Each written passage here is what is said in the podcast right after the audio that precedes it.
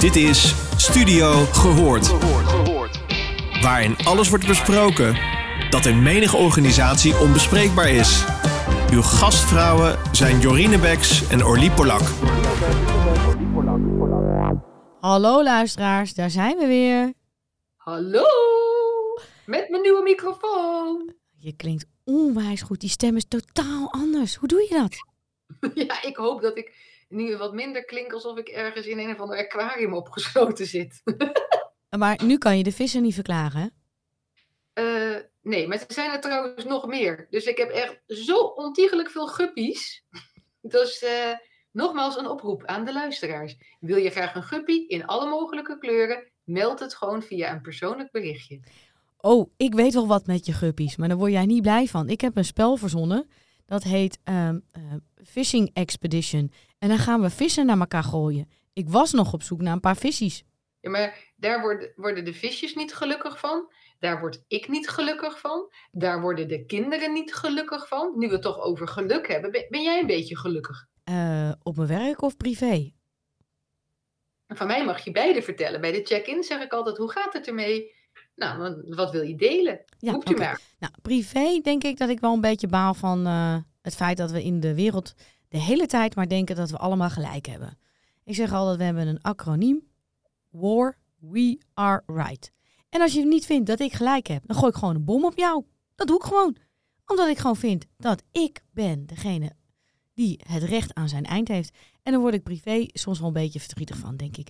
Is dat nou echt nodig? Moeten we nou echt met ons grote ego weer laten zien wie de baas is? Dat vind ik dan wel, eh, ja, ik merk dat ik de hele tijd daar me kapot aan irriteer. Teleurgesteld ben, in de mensheid. Denk, waar gaat dit allemaal naartoe? Dus dat is dan eh, privé, zeg maar. Ja. En eh, zakelijk, over werkgeluk gesproken, ik denk daar heel vaak over na. Ehm, ik ben een fan van Ikigai. Ik ben toevallig ook op Okinawa geweest. Totaal iets anders aan het doen. Ik was er gewoon lekker vissen aan het kijken. Want die hebben ze er ook. Dus even toelichten, wat, wat, is er, wat is er met dat plaatsje wat je noemt, waar je visje ging kijken? Ja, Okinawa is een eiland bij Japan. En eh, daar ging ik naartoe met het eh, gezin. En ehm, zij zijn onderdeel van eh, wat ze nu... Ja, dat, dat zijn een aantal eilanden, plekken in de wereld... waar de mensen veel ouder worden dan in andere delen van de wereld. Dus ze hebben zich afgevraagd, hoe zit dat nou? En daar hebben een aantal dames hebben daar onderzoek naar gedaan. En ze hebben ontdekt wat in ieder geval de filosofie was op het eiland van eh, Okinawa. Dat heet Ikigai. En dat gaat eigenlijk over eh, het boek wat ik nu een beetje in mijn handen heb over werkgeluk van eh Jaël Rozen. Daar is de, haar principe, haar vier P's lijken ook erg op wat Ikigai zegt. En zij zeggen eigenlijk dat ehm, als mens, als je lang wil leven, moet je eigenlijk een aantal dingen doen. Ten eerste ehm, is verbinding met andere mensen heel belangrijk. En daar bedoelen ze mee is eh, contact met je buurt, contact met eh, je ouders, heel goed contact met je familie. Ook het gevoel hebben dat je daarvoor kan zorgen. Hè? In, in Japan geloven ze heel erg dat als jij van nut bent voor jouw mensen om jou heen, en je kan daarvoor mantel zorgen, je kan er een keer voor koken, dan, dan voel je je echt ge- gewenst. Dan heb je het gevoel, ik ben onmisbaar, want de mensen rekenen op mij. Nou, dat schijnt van invloed te zijn op je levensduur. En daarnaast zeggen ze in Japan ook van, joh, blijf altijd bezig. Stop niet met werken en doe ook gewoon werk wat je leuk vindt. Weet je, als jij denkt van met mijn werk, daar zitten mensen op te wachten. Ik draag iets bij. Ik ben tot nut.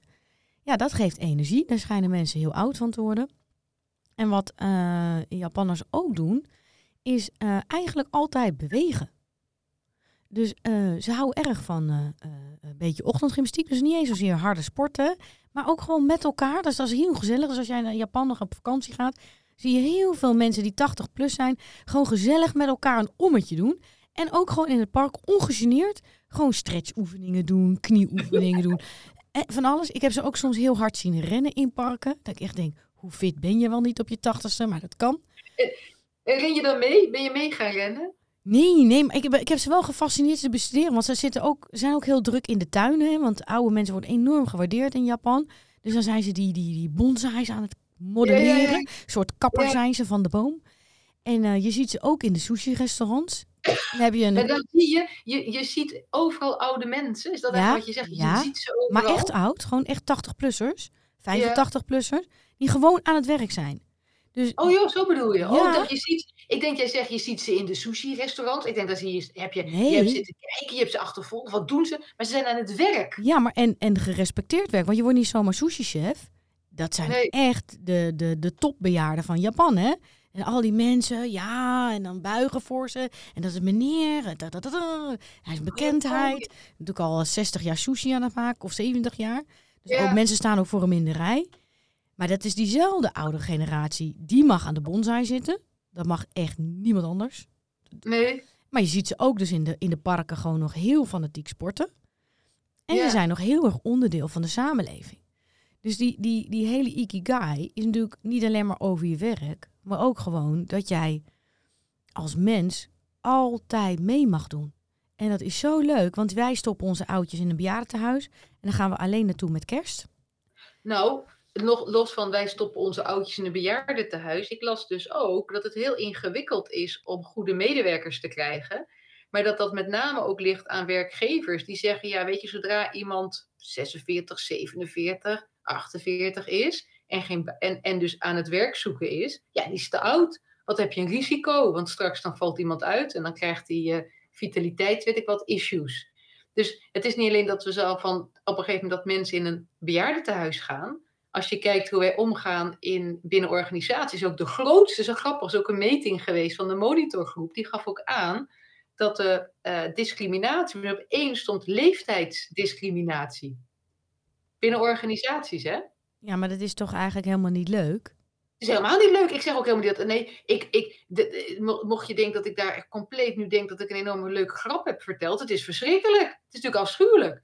Maar waar ik hem op aanga is omdat jij zegt van ja, daar in dat stuk van Japan en, en hoe er om wordt gegaan. Je wordt ouder en je doet mee. Maar, en, en eigenlijk is het dus doordat je mee blijft doen, doordat het zingevend is, doordat je gewaardeerd wordt, doordat je gezien wordt. Ik begon met wat is geluk, hè, wat we natuurlijk ook net hebben gehoord in het interview. Wat maakt nou dat je gelukkig bent met die vier P's? Is eh, dat je waarde toevoegt. En dat is eigenlijk het schrijnende wat ik wel hoor van oudere mensen. Als ze ouder worden, van ja, waartoe, ja, waartoe doe ik nog hier op aard? Wat voeg ik toe? Ik zit hier een kopje thee te drinken. En het lijkt mij ook zo heerlijk als ik naar mezelf kijk, dat ik altijd nog iets blijf houden in mijn leven wat waarde toevoegt. En dat zie ik trouwens ook bij mijn, eh, bij mijn, bij mijn ouders, met name bij mijn moeder. Die is nog altijd waarde aan het toevoegen. Maar ik denk dat, want we begonnen even bij privé en dan gaan we naar, Ja. naar zakelijk. Ik denk dat de manier waarop wij in ons privéleven ook naar onze oudere generatie kijken en naar familiebanden. Ik kom uit een, eh, een eigenlijk een hele andere cultuur. In mijn cultuur is best wel klef. Jij vraagt me elk weekend, wat ga je doen? En dan geneer ik me soms om te vertellen wat ik ga doen, want het is echt veel te druk. Ik heb op vrijdagavond altijd het hele huis vol zitten met vrienden, Ja. met eh, familieleden. En het gaat het hele weekend door met allerlei sociale activiteiten. Dus voor mij is dat heel vreemd dat je niet eigenlijk... eh, ik zie mijn schoonmoeder denk ik drie keer per week. Ik denk, mensen schrikken zich nu rot. Ja, sorry, ik kan er niks aan doen. Eh, maar het is ook gewoon hoe wij privé kijken naar leeftijd. Absoluut. Dat beïnvloedt heel erg hoe wij ook zakelijk kijken. En als we het hebben over werkgeluk, en dan gaat het de hele tijd over purpose. Maar ik denk als je wat ouder bent en mensen vinden niet meer dat jij purpose hebt. En ouder, joh, we hebben het echt wel over, helaas onze leeftijd, luisteraars. Ja, ik voel me helemaal niet oud. Ik moet nog, eh Jorien, hoe lang moeten we nog werken voordat we met pensioen mogen? Toch nog wel zeker 20 jaar. Nou weet je, ik vind het wel grappig ook de woordkeus. Ik, eh, dat hoe lang moeten we nog werken voordat we met pensioen mogen? Ik hoop dat ik nog dat ik mijn hele leven van waarde, waarde kan toevoegen. Dus voor mij voelt het ook helemaal niet als, als moeten. Maar dat komt ook op mijn werk is een soort uit de hand gelopen hobby, zeg ik wel eens gekscherend. Terwijl ik het ook nog gewoon hartstikke meen. Dus volgens mij is dat ook, als je gaat kijken naar die vier P's en wat je net ook aangaf, dat gaat over die purpose. Ik ontzettend leuk. Niet alleen kijken naar waar je energie van krijgt, maar ook waar zit je irritatie, je frustratie kan helpen om erachter te komen. Heb ook een hele mooie tip. Maar ook dat je iets doet wat je gewoon leuk vindt. Op de korte en op de lange termijn. Dus op de korte termijn ook leuk dat je energie haalt uit je dag, dat je leuke dingen doet. En nu een heel ander uitstapje, want we hebben natuurlijk over werk en zo. Maar ik had voor deze week, heeft uh, Madelief over school. Hè? Hoe maak je nou school leuk? Nou, uh, Madelief had deze week uh, de Dat weet ik kring. Oftewel gewoon een spreekbeurt, maar met een hele leuke titel. En die ging over zeepaardjes. Nou, dat vond ik echt reuze leuk. Ik heb dingen geleerd. Ik wist helemaal niet dat het, hoe dat zat met die zeepaards. Ik wist helemaal niet dat het wist wel dat het mannetje iets deed qua kinderen. Maar ook dat ze bevrucht worden in het mannetje. Wist ik ook niet. Dat daar de kindjes ontstaan. Et cetera. Ik kan heel veel vertellen over zeepaardjes als je wil. En aan de andere kant Guus. Die echt hartstikke druk is. En dat gaat nog wat worden. Uh, Guus die is voor de Oekraïne allemaal acties aan het uh, uit, uitwerken. Ja, ik moet heel hard lachen. Maar hij heeft, ik weet niet hoeveel versierde cakejes verkocht. Dus ik denk dat ik van het weekend cakejes aan het bakken ben. Want anders kan hij niet voldoen aan al zijn uh, bestellingen. Maar wat ik bedoel te zeggen is, er zit ook al zingeving. Hè? Ook in, ja, wat doe je nu? En waar haal je geluk uit? En hoe voeg je waarde toe? En dat je dingen kunt doen die gewoon leuk zijn. Ik vind het wel mooi om te horen dat ze dat steeds meer in het onderwijs aan het doen zijn. Want dat zie ik bij mijn kinderen ook. Die doen ook al dat soort acties. Um, ja, uh, in mijn kinderen zitten, ik zeg het altijd, op een uh, white privilege school in Amsterdam-Zuid. en die, die kinderen, die um, zijn zich dat heel erg bewust. Want die kijken dus programma's zoals uh, Sander en de Kloof en Klassen. En die hebben met de klas besloten dat ze een inzamelactie gingen doen vorig jaar voor geven een verjaardag aan een kind. En ze, oh, ze hadden mega veel geld opgehaald. Maar het besef dat zij hadden van, joh, er zijn dus ook een heleboel kinderen die geen verjaardag hebben. En daar willen wij wat aan doen. En ehm, ik denk dat het goed is dat uh, onderwijs dus ook veel meer buiten het curriculum kijkt. En kijkt van, joh, hoe gaat het met zingeving? Hoe maken we het leuk? Hoe gaan we met talenten om? Hoe laten we kinderen een bredere blik werpen op de wereld? Ja. ook leren en ontwikkelen, wat natuurlijk ook, hè, ook bijdraagt aan het gevoel van geluk, werkgeluk, levensgeluk. Dat je kunt ontwikkelen, dat je ergens voor leeft, dat je verbinding hebt en dat het dus leuk is. In andere woorden, maar dat zijn uiteindelijk wel die vier, die vier P's. En ook anders leren. Maar ja, misschien is dat ook wel weer zo, dat het wel weer mooi is dat het gebeurt nu in dat onderwijs, in het basisonderwijs. Want anders kunnen we ook niet meer. Hè? We kunnen ook niet meer anders met elkaar successen behalen, als dat er niet meer kan zijn, denk ik. Nou, ik denk dat als je thuis niet bezig bent met verbinding en met purpose, en je bent dat niet in het onderwijs, dus je leert dat niet van jongs af aan, hoe moet jij dan in je, in je werkcarrière ja. je optimaal gelukkig voelen? Want dat, daar waren we toch niet mee bezig? Nee, en nu is ook weer mooi het optimaal gelukkig. En daar hadden we het natuurlijk al eerder over. Um, geluk is natuurlijk ook weer een heel, ja, ook weer breed. Hè? Wat is voor de een geluk? Maar met name gaat dat je gewoon lekker in je vel zit, zou je het misschien ook wel kunnen noemen. Dat je gewoon denkt van oké, ik ga naar mijn werk, wat leuk, ik heb er zin in. Zeg maar fluit het naar je werk wat je er zin in hebt, harder fluit het naar huis omdat het reuze leuk was. En, die, en, wat is daar nou weer voor nodig? Ja, dat is inderdaad, ja. Ik heb wel een mooi voorbeeld. Ik moest uh, vorige week naar onze podcast, moest ik een interview afnemen met uh, uh, chauffeurs in een bepaalde dienstverlening. En uh, die chauffeurs doen uh, zeer gevaarlijk werk. Uh, en die had ik een interview mee. En die moeten elke dag met een nieuwe uitzendkracht werken. Die uitzendkracht weet niet hoe de, hoe de wagen werkt, weet niet hoe de knoppen werken. En onderschat ook een beetje de werkzaamheden. Dus die denkt, ach, dat verkeer dat is niet zo belangrijk. En zit de hele tijd op zijn mobieltje. Maar dat werkgeluk, dat wordt onwijs aangetast. Want elke dag heeft die man een nieuwe medewerker die die moet opleiden. Waarvan hij niet weet hoe die medewerker in zijn wagen stapt. Is die man vrolijk? Is die man, uh, heeft hij discriminerende opmerkingen al gemaakt? Want ik hoorde al wat akkevietjes over allerlei soorten uh, feestdagen. Maar dat is wel heel erg stressvol. Dus elke dag heb je iemand in je wagen die je weer op moet voorstellen. Je moet weer energie geven. Je moet weer instrueren. Maar het wordt er ook niet gezelliger op. Want als de klik binnen de eerste vijf minuten om zes uur ochtends er niet is, want we hebben het over het moet gezellig zijn op je werk. Ja, dan heb je dus de hele dag gewoon dikke vette bonje in de auto. Vreselijk. Ja, en ik denk dat als organisatie denken we misschien soms iets te makkelijk over werkgeluk. Want een van mijn adviezen was, ga daar eens op zitten. Want ik denk dat als jij lekker in die wagen zit en jij bent jouw chauffeur aan het helpen met het verkeer en opletten op de scootmobielen, op de elektrische fietsjes, op uh, de driewieler en je gaat gewoon gezellig met elkaar dat werk doen. En je hebt een beetje een klik. Dan heb je een hartstikke leuke dag. Maar als daar een chagrijnige mevrouw of een meneer binnenkomt. Die denkt, ja, ik kon geen ander baantje krijgen en ik moest dit maar doen. En jij denkt, ik kon niemand anders krijgen, dus jij bent het geworden. ook heel gezellig, dan begin je al met een valse start. Dus ik zei tegen de organisatie, ik ben een heel leuk, interessant boek aan het lezen. Ik heb het al een paar keer genoemd. Mistakes are made, but not by me. En er zit een heel interessant hoofdstuk op. En dan gaat over het cadeau dat zichzelf blijft geven. The gift that keeps on giving. En daar hebben ze het over hoe jij mensen uh, het gevoel van reciprociteit, of de wens voor reciprociteit, kan stimuleren door ze bijvoorbeeld kleine attenties te geven. Ik dacht, hoe leuk is het nou als kleine interventie om de sfeer in de wagen wat te verbeteren? Ik kom aan, ik ben Kees en uh, uh, het is zes uur en ik heb een hartstikke lekkere, ja, eigenlijk bijna wilde zeggen vieze, geglaceerde, groene of ineens die roze koek bij. Oh, ik zie al. Ik zag al dit en denk, oh, het hopelijk is zeg zo'n roze koek. Ja, het is een roze koek. Ja, een roze koek. Ja, en dan een hele leuk kaartje erop met ik ben Kees en een paar leuke feiten wat je over mij moet weten. En dan geef je dat. En dan mag uh, de chauffeur, die mag voor elke positief ingewerkte nieuwe collega een stempel zetten op uh, de ik werk mijn collega's positief in kaart. Plop. En dan wordt het hartstikke gezellig, want die denkt, hé, hey, elke keer als ik een nieuwe medewerker heb, krijg ik en een stempel op mijn uh, breng werkgeluk tot de nieuwe medewerkerkaart. En ik krijg een lekkere roze koek. Heerlijk. Dat vind ik, en, en hoe reageerden ze? heel erg leuk en creatief idee. Ja, en? En daar was hij mee af of ze gaan het doen? Dat weet ik niet. Ik hoop dat ze oh. het gaan doen. Dus ja. dacht ik, hoe gaan we dat dan weer organiseren? Waar ga ik al die koeken leggen? Maar dat, uh, dat, dat misschien kan Guus ze maken. Als Guus dan toch, als ik toch cakejes ga bakken, kan ik misschien ook even roze koeken bakken. Nee, alle gekte op een stokkie. Maar wat je eigenlijk zegt, ook successen vieren is ook zoiets, hè?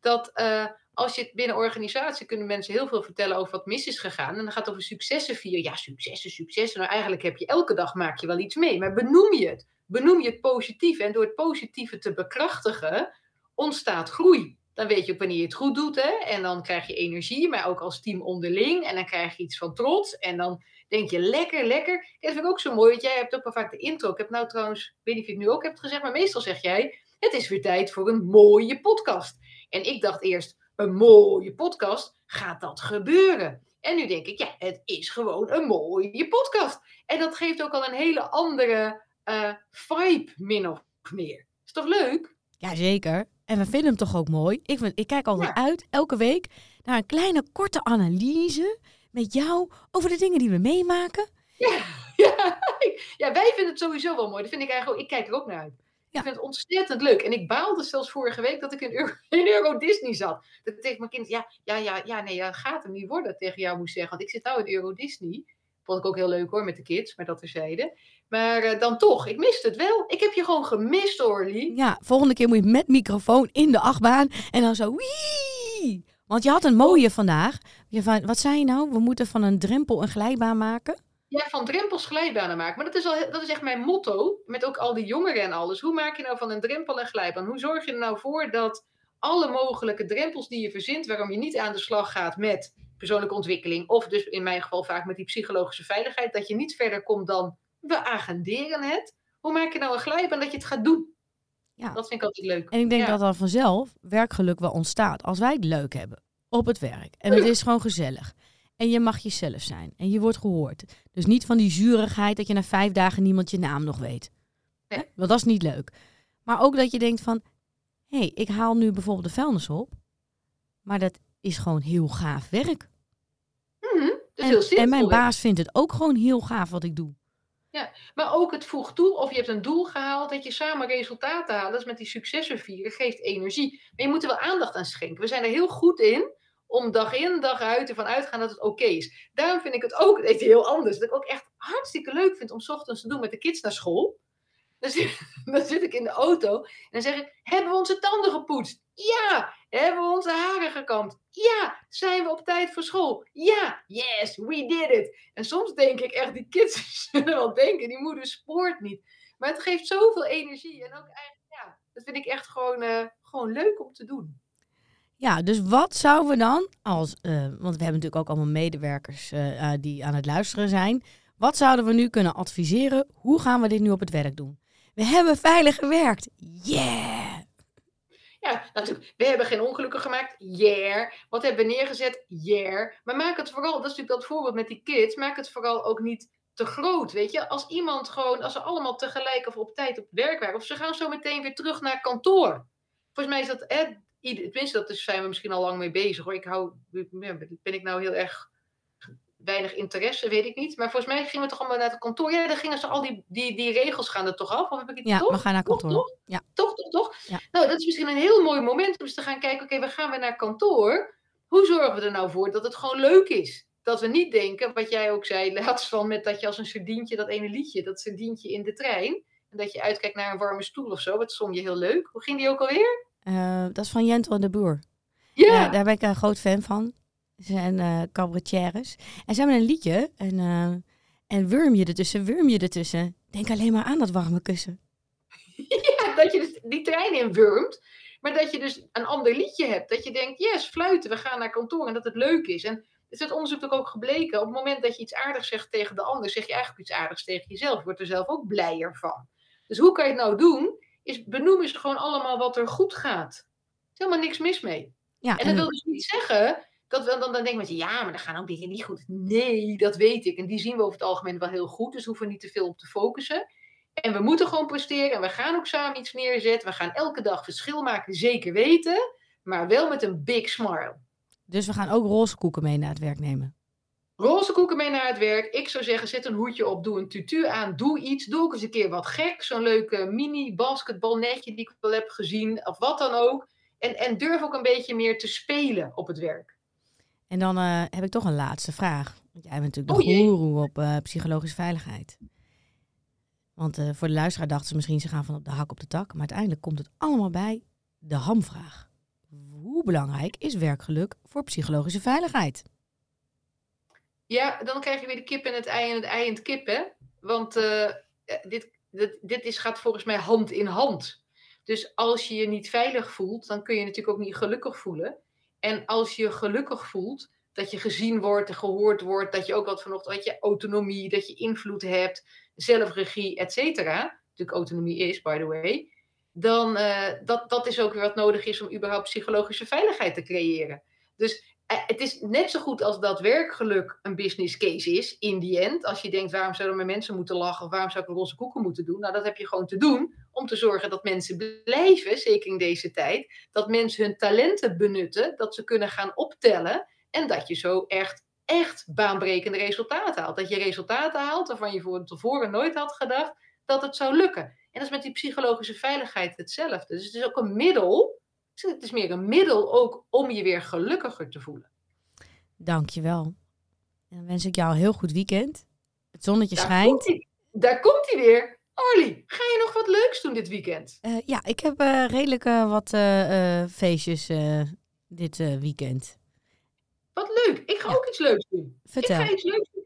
Ik ga naar Cavaluna. Ik weet niet of ik het goed uitspreek. Maar dat is hartstikke leuk. Ga ik met de kids naartoe. Tenminste, ik ga er helemaal van. Nee, het is gewoon leuk. Hartstikke leuk. Wordt hartstikke mooi. Dat is een show in Ahoy in Rotterdam. Met allemaal paarden. Allemaal mogelijk verschillende paarden. Grote paarden, kleine paarden, ponies, rassen, weet ik wat. Dus het wordt alleen maar genieten. Nou, helemaal top. Ik wens jou een uh, gaaf weekend. Dankjewel, jij ook hè. Tot volgende keer. Doei.